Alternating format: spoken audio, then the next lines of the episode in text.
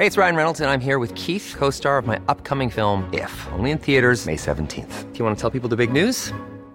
All right, I'll do it. Sign up now and you'll get unlimited for $15 a month in six months of Paramount Plus Essential Plan on us. Mintmobile.com slash switch.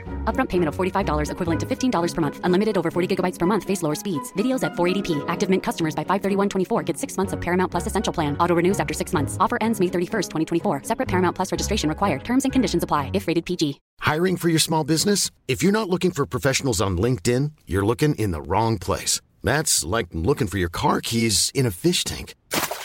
LinkedIn helps you hire professionals you can't find anywhere else, even those who aren't actively searching for a new job but might be open to the perfect role. In a given month, over 70% of LinkedIn users don't even visit other leading job sites. So start looking in the right place. With LinkedIn, you can hire professionals like a professional. Post your free job on linkedin.com slash people today.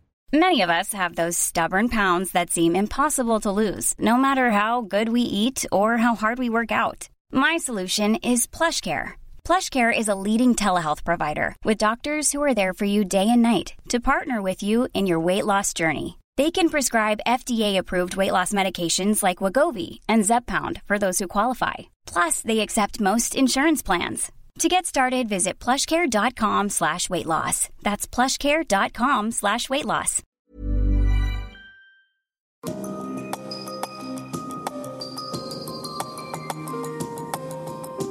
Du lytter til podkast fra Oslo Militære Samfunn. Besøk vår hjemmeside oslomildsamfunn.no, og se oss også på Facebook, Twitter og LinkedIn. Generaler, admiraler, medlemmer og venner av Oslo Militære Samfunn. Kveldens foredragsholder er generalløytnant Robert Mood. Han har stått på vår talerstol mange ganger før, bl.a. da han var generalinspektør for Hæren. Han har også vært sjef for FNs observatørstyrke i Syria. Etter tidligere å ha vært sjef for FNs observatørkorps i Midtøsten. Hans siste militære stilling var som sjef for den norske militærmisjonen i Brussel. Han slutta i Forsvaret 1.8 i fjor. Han ble tildelt Fritt Ords pris for 2016 for å ha vist stor ytringsmot i kritiske debatter om Forsvarets rolle i samfunnet. Vi kjenner deg som en frittalende og engasjert person. Generalløytnant Robert Mood, vær så god, talerstolen er din.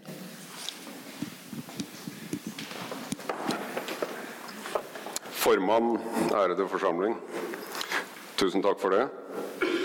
Det er eh, særdeles hyggelig å være tilbake i Oslo Militære Samfunn blant venner. Eh, mange gamle kjente.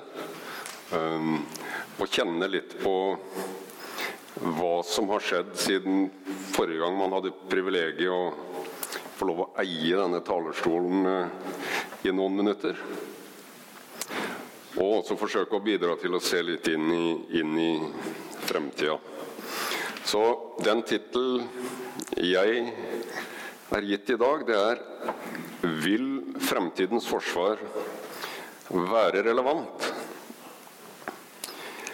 Nå er det veldig mange som uh, jobber med det om dagen, så hva jeg har å bidra med, det, det får du nå bedømme litt etter hvert. Men jeg skal iallfall forsøke å bidra til da, den refleksjonen om, om fremtidens forsvar, som heldigvis omfattes med stor interesse og er i samfunnsdebatten om dagen, ved å ta utgangspunkt veldig kort i verden rundt oss. Og Så skal jeg snakke litt om Forsvaret av i går, og så skal jeg snakke litt om eh, Forsvaret av i dag. Og da forsøke å, å by på noen refleksjoner om framtida. Så la oss starte med verden rundt oss. Noen poenger. For nesten ti år siden, fra denne talerstol og i dette rom, så skuet vi inn i et århundre som mest sannsynlig hadde større overraskelser å by på enn det århundret vi akkurat hadde lagt bak oss. Drøyt 16 år inn i århundret har uh, overraskelsene kommet på løpende bånd, det kan vi konstatere. Arabisk vår, Syria, Krim, Ukraina, IS, Aleppo, Mosul, Sør-Sudan, Libya, Sør-Kina-havet, brexit og Trump er bare noen navn og begreper som forteller om en verden i rask endring. Stadig mer usikker og dynamisk.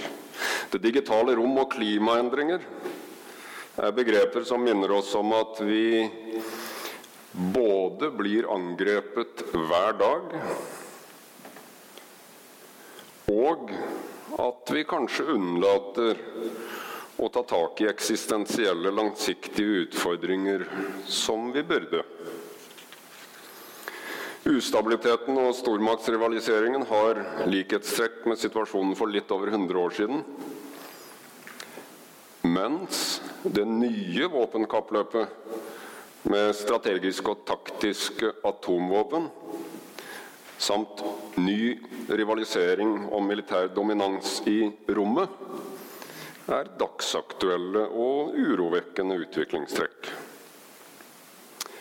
FN, EU og Nato er henholdsvis handlingslammet, i eksistensiell krise og i villrede. I en tid som roper på handlekraftige overnasjonale institusjoner. Seierherren etter andre verdenskrig bygde et system av politiske, militære og økonomiske institusjoner som skulle sikre aldri mer.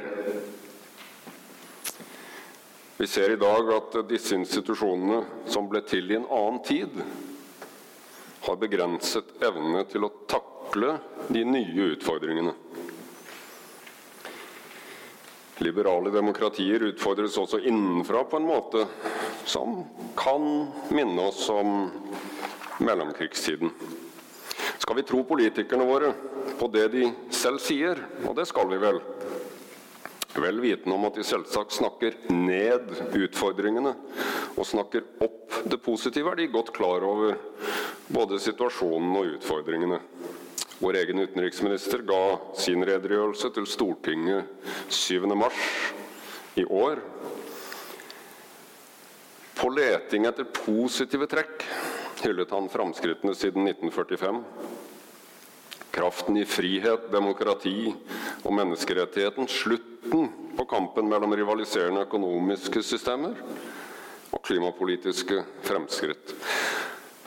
Hva gjelder fred og sikkerhet, blir han imidlertid mer nøktern. Han sier vi lever i motsetningenes tid.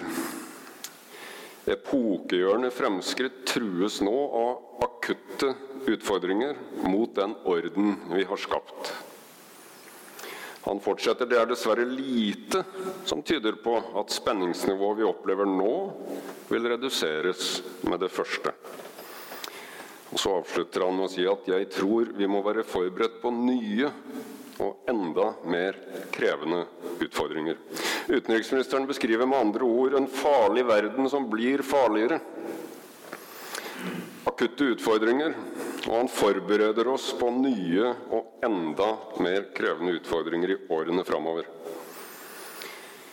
Han oppsummerer regjeringens utenrikspolitikk som ansvarlig realisme i møte med ytterst krevende omgivelser.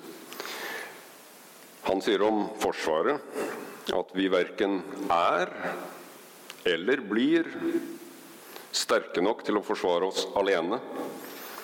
Forsvaret av Norge skjer innenfor rammen av det kollektive forsvarssamarbeidet i Nato, hvor alliert forsterkning av Norge øves. Slik oppnår vi forsvarsevne og troverdig avskrekking. Han beskriver med andre ord en verden i rask endring. Vi hører mange spørsmål og få svar. Det vi vet, er at det ikke kommer til å gå over av seg selv, og at det også vil kunne berøre Norge på dagers varsel. Like alvorlig som de sikkerhetspolitiske utfordringene er nok kampen for våre verdier og vår humanitet. Verdiene vi har dyrket siden den franske revolusjonen i 1789. Liberté, égalité, fraternité og la mort utfordres og svekkes. Frihet, likhet, brorskap. Begreper som står seg godt også i dag, men som dagens liberale demokratier kanskje må fylle med nytt innhold for å komme videre. Det er imidlertid ikke tema i dette foredraget. La oss gå til forsvaret av i går. Hvis du skal komme fram til målet, må du vite hvor du er. Avfarende plass. Det er ikke minst viktig når tåka er tett. Det hjelper ikke om retningen er rimelig god. Dersom du mener å starte fra et annet sted enn der du faktisk er, så bommer du uansett på målet. La meg derfor via et kort tilbakeblikk ta oss til avfarende plass. Noen liker å hevde at Norge er et lite land. Det er feil. Norge er et veldig stort land med stort ansvar, strategiske utfordringer, men også store muligheter. Selvsagt har vi liten befolkning og relativt begrensede økonomiske ressurser sammenlignet med stormaktene. Men det endrer jo ikke vår geografi eller vår beliggenhet. Et stort og langstrakt land med en av verdens lengste kystlinjer og syv ganger større sjøterritorium. Utsatt beliggenhet i forhold til Nord-Atlanteren og Arktis, samt nærhet til basene på Kola, krever klokskap. Veien inn i Nato ble på denne bakgrunn og etter erfaringene med nøytralitet og okkupasjon et ganske åpenbart valg i 1949.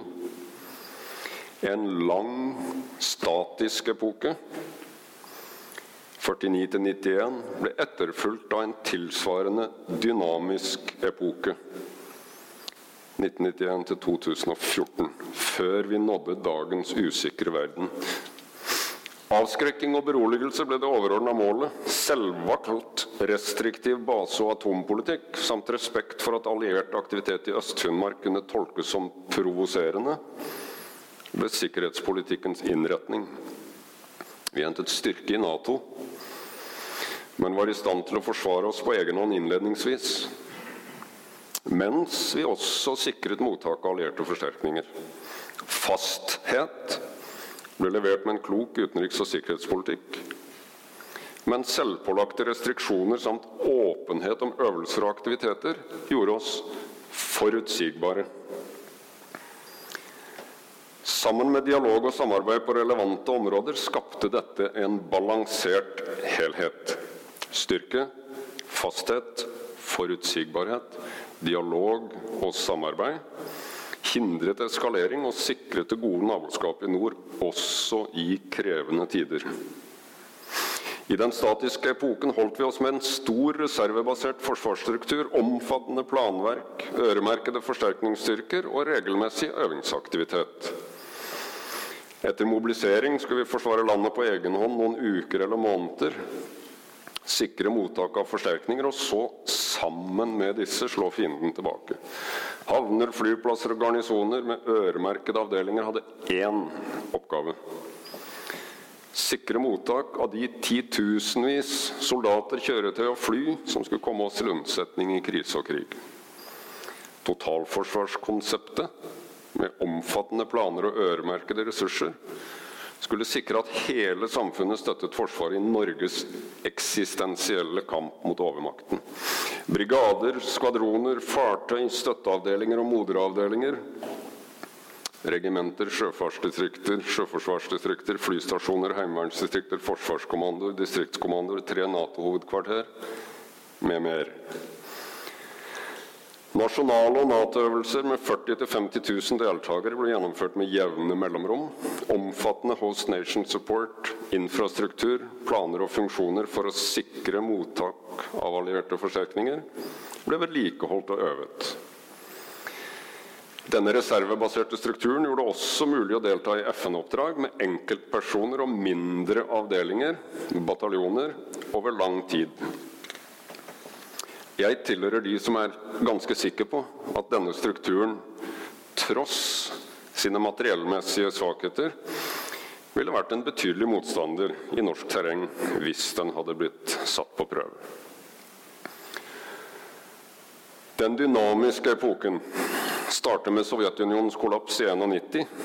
Vi baserte oss som mange andre land på at Russland ikke lenger var et annet sted, og la varig fred og samarbeid til grunn. Utviklingen bort fra et balansert forsvar for å avskrekke eller stanse og slå tilbake et klassisk angrep gikk skrittvis. I 1997 hadde Norge for siste gang manøveravdelinger av betydning i felt. Sjette divisjon med 18 500 soldater.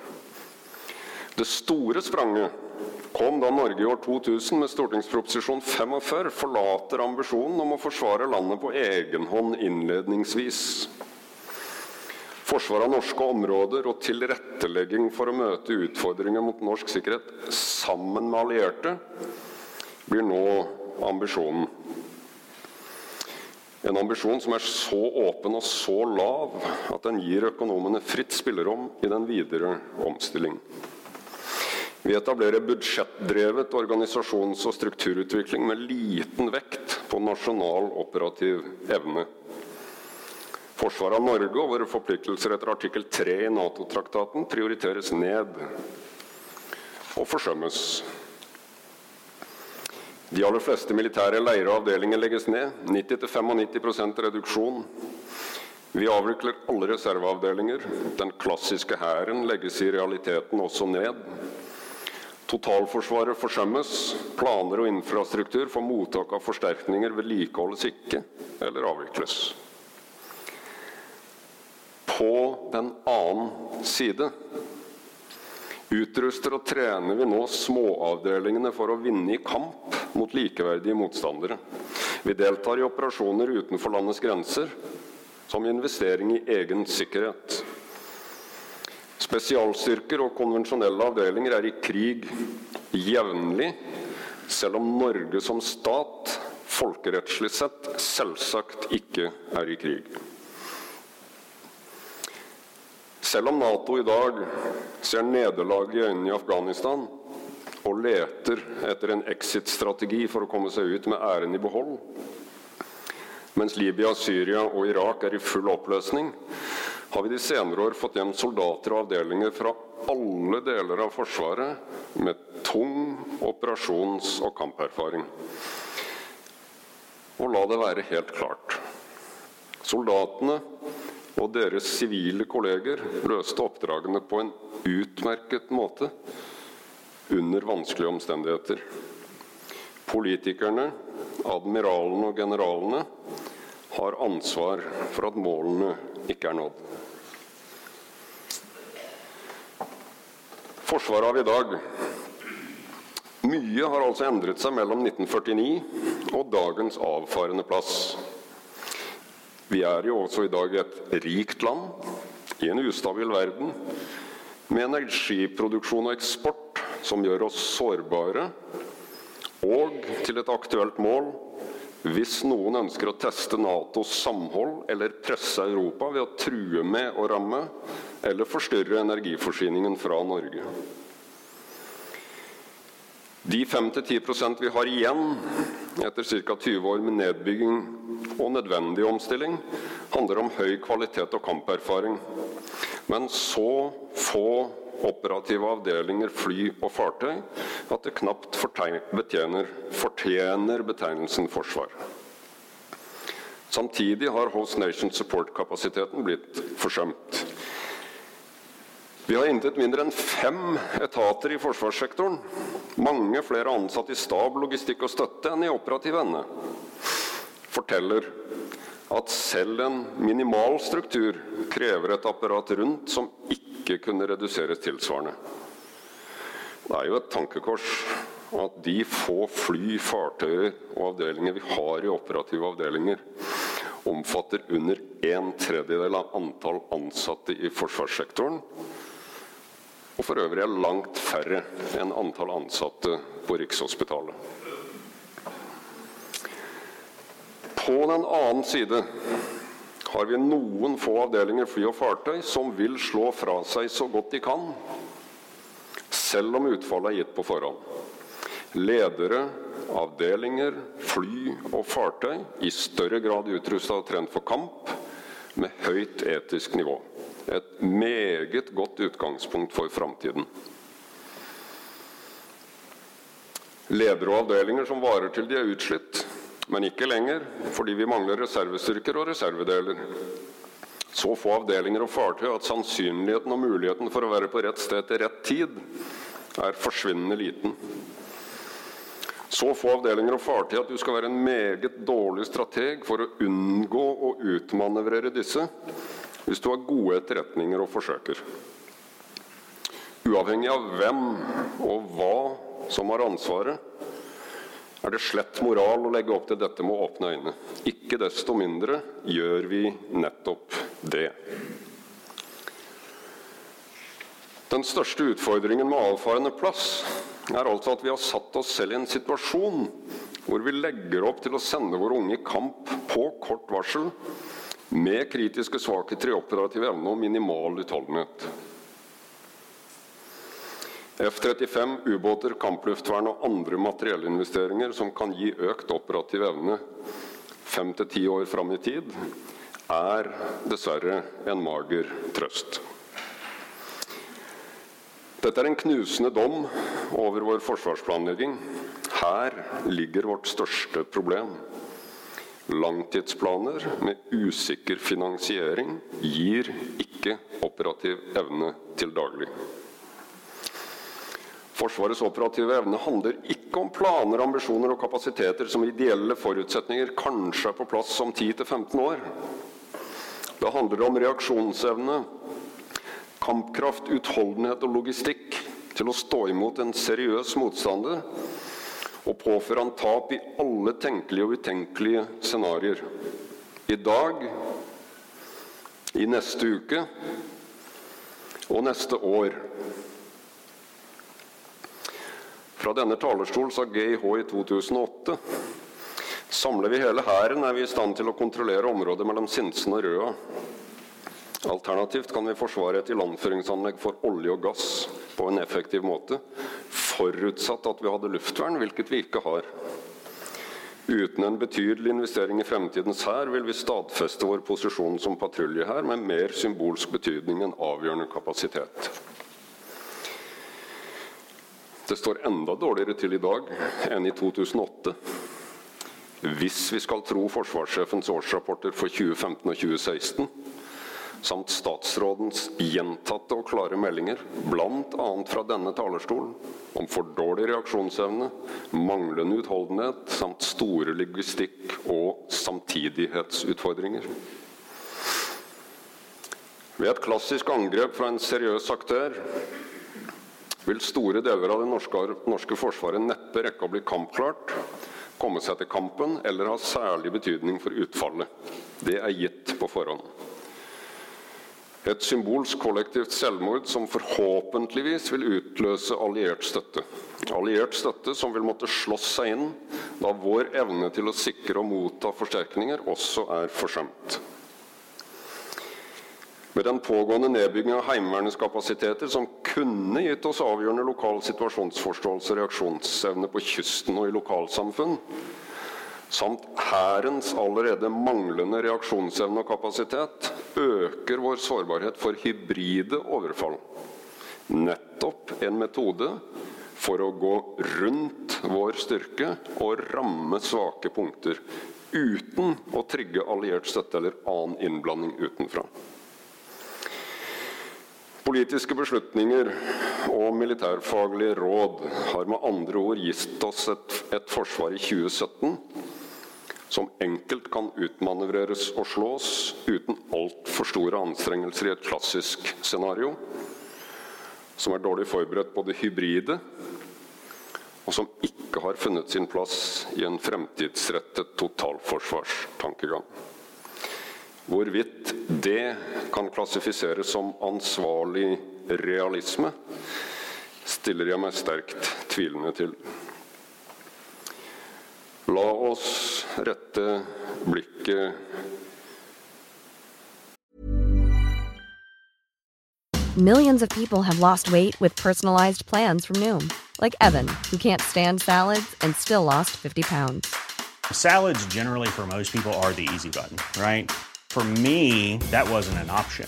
I never really was a salad guy. That's just not who I am. But Noom worked for me. Get your personalized plan today at Noom.com. Real Noom user compensated to provide their story. In four weeks, the typical Noom user can expect to lose one to two pounds per week. Individual results may vary. I'm Sandra, and I'm just the professional your small business was looking for. But you didn't hire me because you didn't use LinkedIn jobs. LinkedIn has professionals you can't find anywhere else, including those who aren't actively looking for a new job but might be open to the perfect role, like me. In a given month, over 70% of LinkedIn users don't visit other leading job sites. So if you're not looking on LinkedIn, you'll miss out on great candidates like Sandra. Start hiring professionals like a professional. Post your free job on linkedin.com/people today. Noe mer fremover. Fremtidens forsvar. Utredninger og langtidsplaner gir altså ikke operativ evne.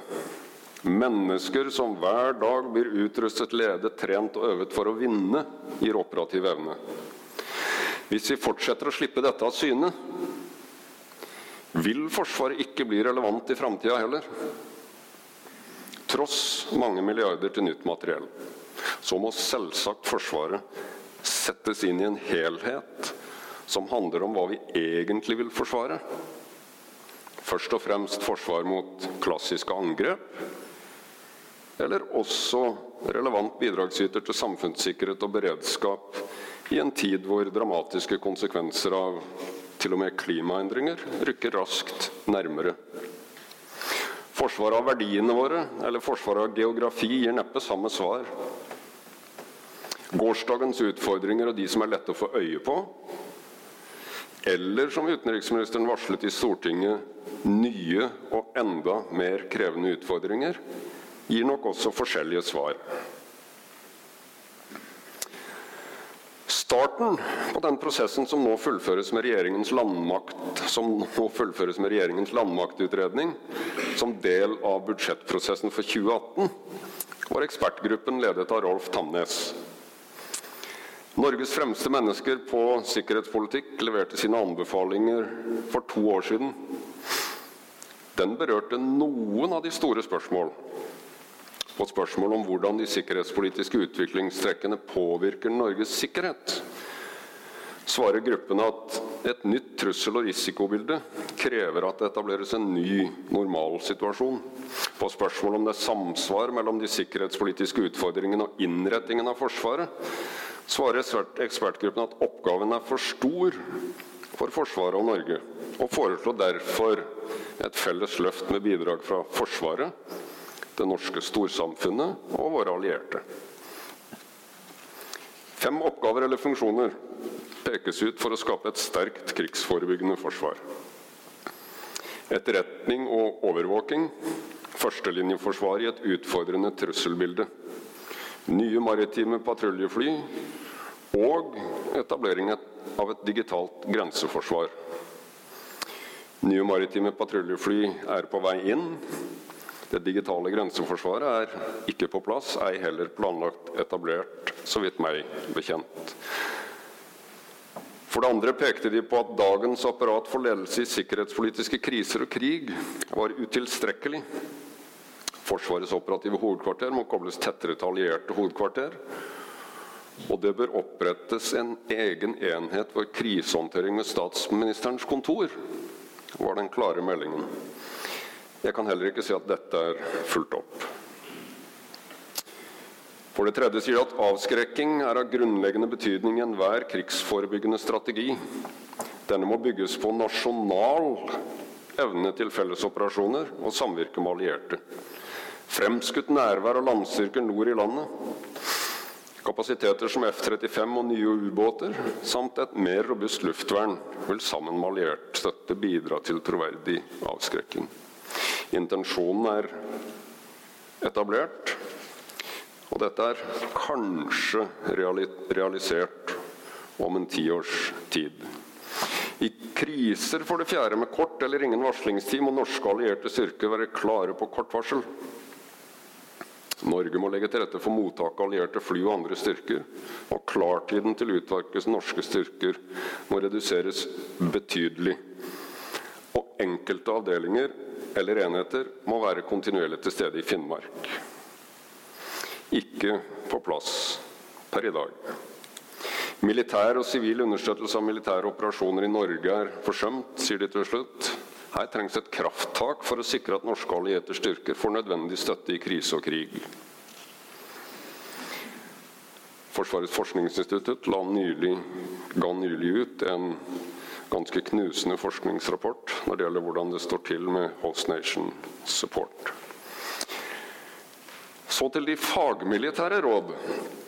Hva gjelder de fagmilitære råd, har de i mange år nå handla om å tilpasse strukturen til redusert kjøpekraft, fremfor hvordan skape økt operativ evne.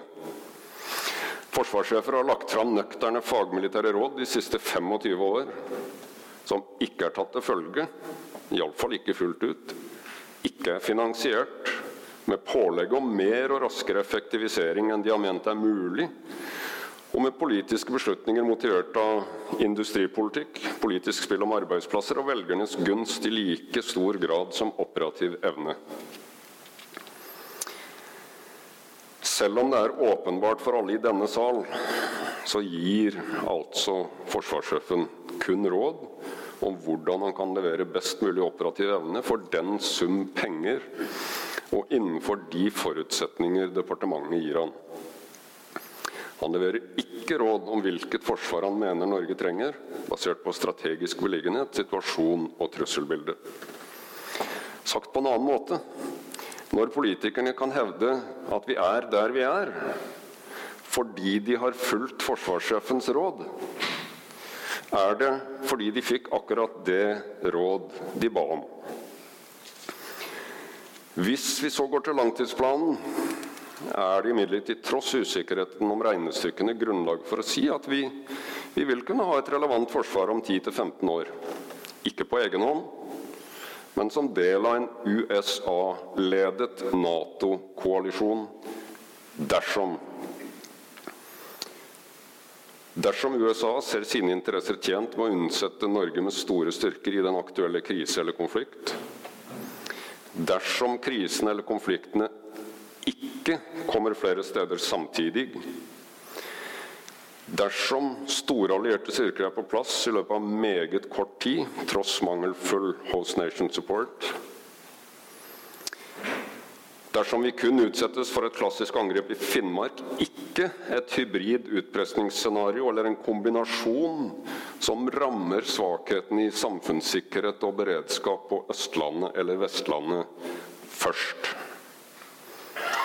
Dersom vi ikke utsettes for seriøse offensive operasjoner gjennom det digitale rom, dersom kommende regjeringer følger opp finansieringen fullt ut i årene fremover, dersom kostnadsøkningen kompenseres fullt ut i årene som kommer, og til sist dersom Forsvaret lykkes 100% med effektiviseringen, og hele effektiviseringsgevinsten fra alle etater i sektoren går tilbake til Forsvaret og operativ evne.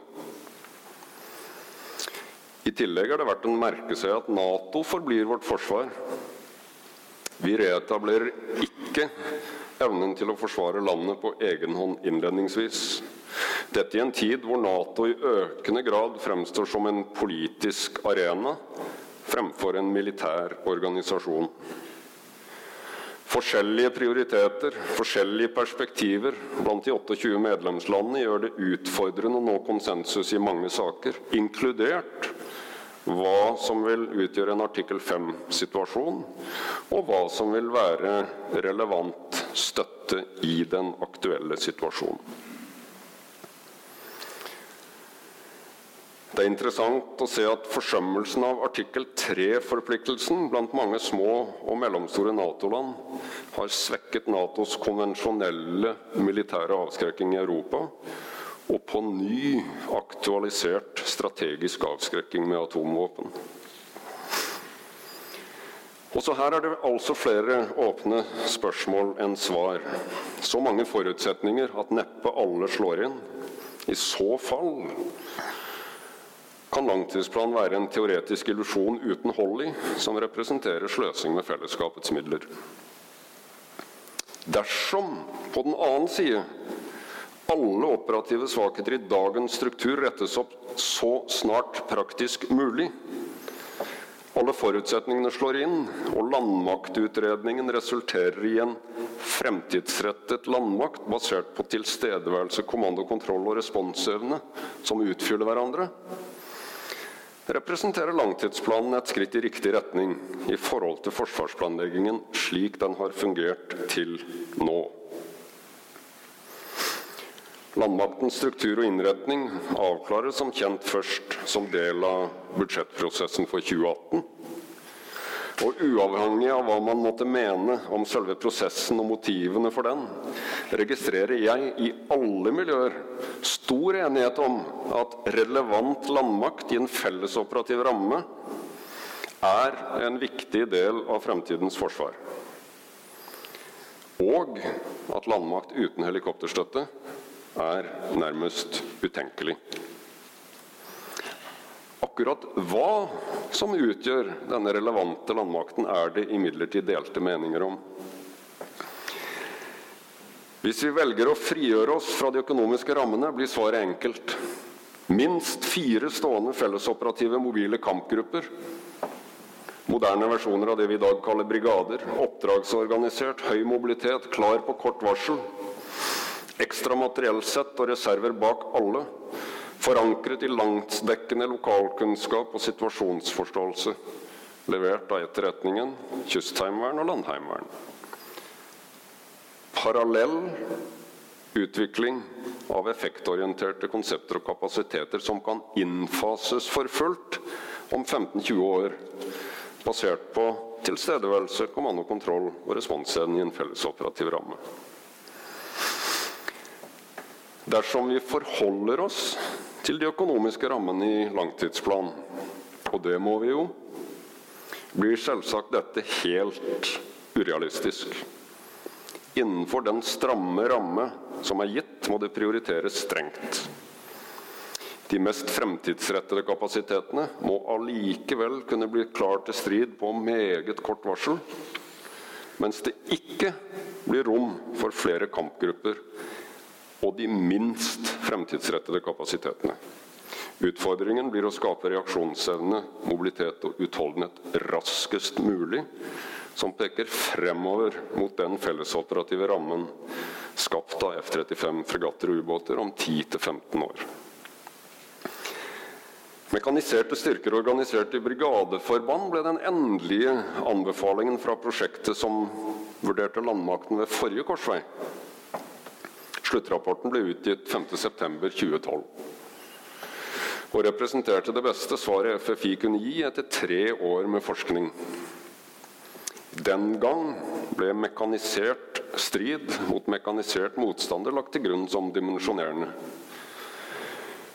Mye har endret seg, overraskelsene har vært mange, og forsvaret av Norge i norsk topografi er igjen blitt førsteprioritet. Med de hybride scenarioene vi også kan se for oss, fremstår kanskje Heimevernet som den mest fremtidsrettede del av eksisterende landmakt. Tenk på det. Lokal situasjonsforståelse og øyeblikkelig sikring av nøkkelpunkter, infrastruktur og personer blir kritisk viktig i en tidlig fase av krise og konflikt. Og den strategiske avgjørelse kan falle før resten kommer i spill. En utfordrer vil i et slikt scenario manøvrere rundt vår styrke og ramme svakheten i sømmene mellom aktører som har ansvaret for samfunnssikkerhet og beredskap. Jeg frykter nok at denne type tenkning ikke i tilstrekkelig grad er en del av utredningen. Kanskje er tiden kommet for å bryte ut av tradisjonelle tankebaner og se Heimevernet som den ledende del av landmakten den territorielle, med små og litt større oppdragsorganiserte mobile hæravdelinger til støtte. Kanskje er det hæravdelingene som burde innlemmes i Heimevernet for til sammen å utgjøre en helhetlig landmakt som kan videreføre de historiske linjene fra 1628 på en mest mulig relevant måte. Uansett, det er så stor usikkerhet i situasjonen, i utviklingen og i selve langtidsplanen at spørsmålet om en ny forsvarskommisjon for meg trenger seg på. En kommisjon som kan foreta en analyse av trender og utfordringer, samt eksterne og interne trusler, for å anbefale en vei videre hvor Forsvaret er et underordnet element i en større helhet. En kommisjon som spenner opp et lerret langt større og langt videre enn det russiske fremskutte forsvaret Akola skaper.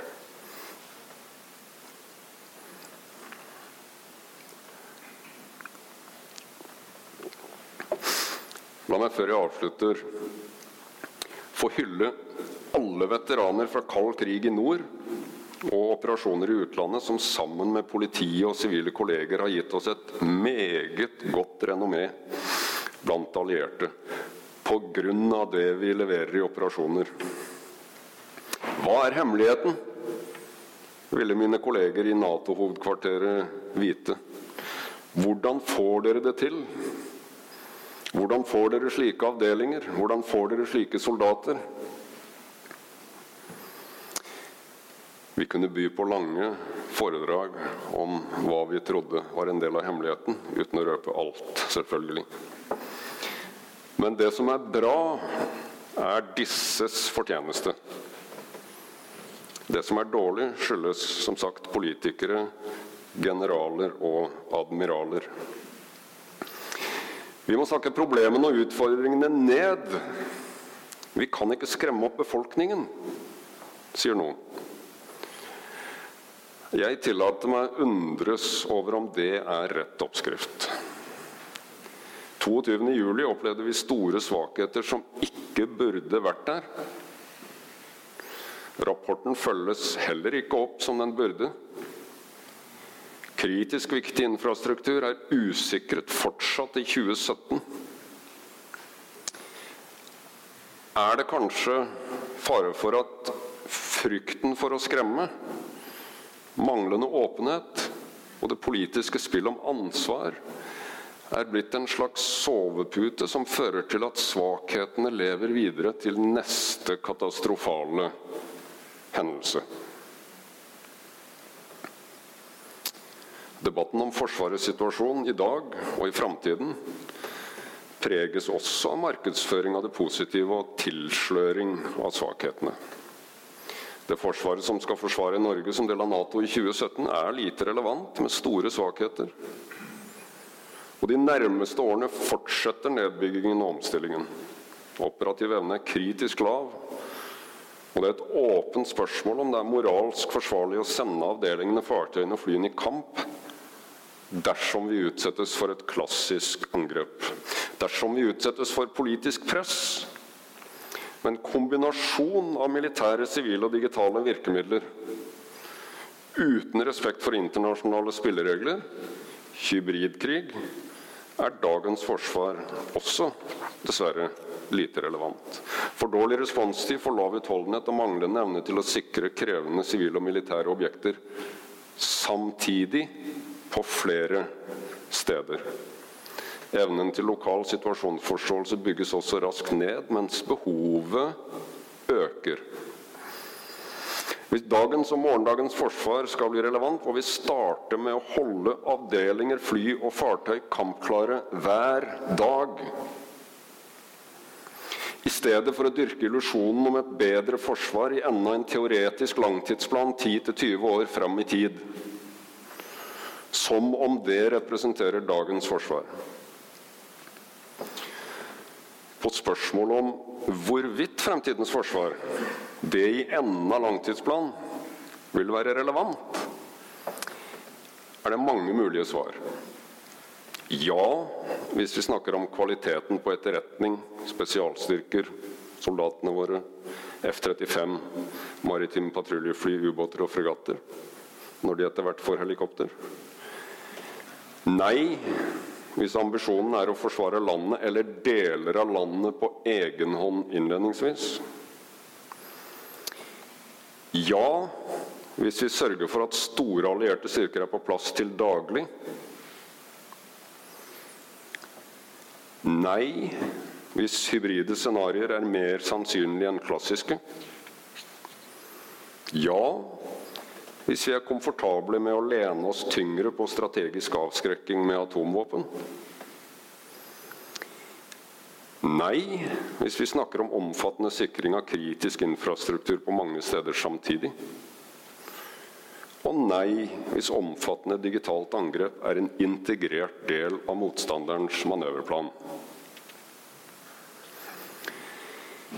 For egen del mener jeg Norge trenger et forsvar som både kan takle klassisk krig, hybridkrig og en type konflikt vi i dag ikke vet hvordan vil arte seg. Overraskelsene jeg nevnte innledningsvis, som vi har sett bare siden sist jeg sto på denne talerstol i 2008, gir tung argumentasjon for at det må være innretningen. Det får vi nok ikke med denne langtidsplanen.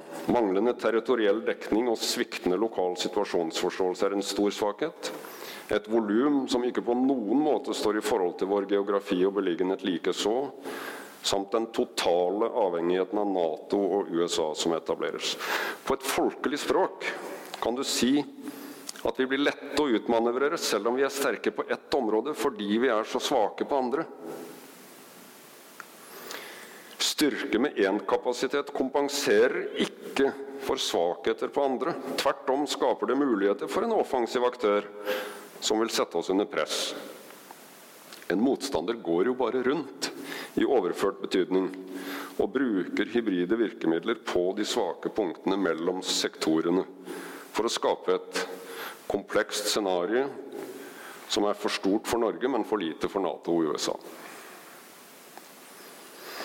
Markedsføringen av Forsvaret som om vi har et forsvar som kan forsvare hele landet, som om vi har et forsvar som kan forsvare Norge på egen hånd innledningsvis, er villedende og bør ta slutt.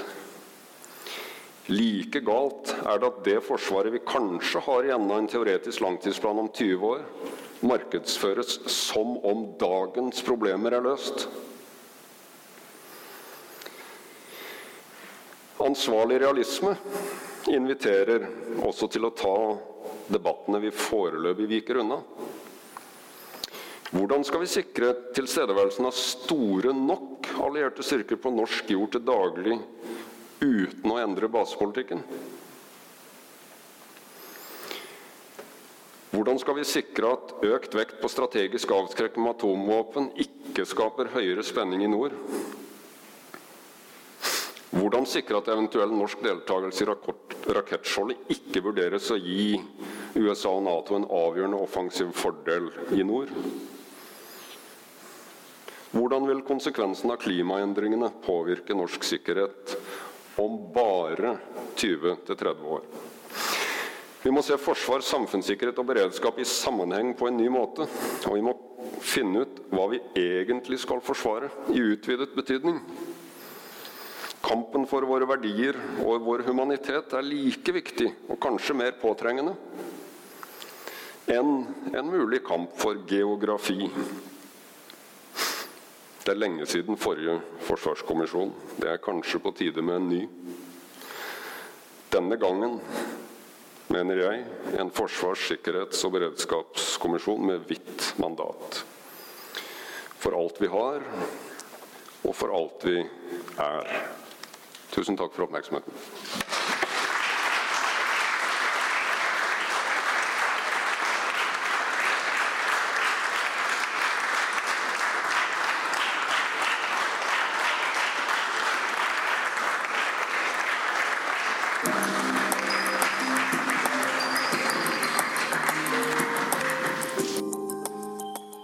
Hørt podkast fra Oslo Militære Samfunn. Besøk vår hjemmeside oslomildsamfunn.no, og besøk oss gjerne på sosiale medier som Facebook, Twitter og LinkedIn.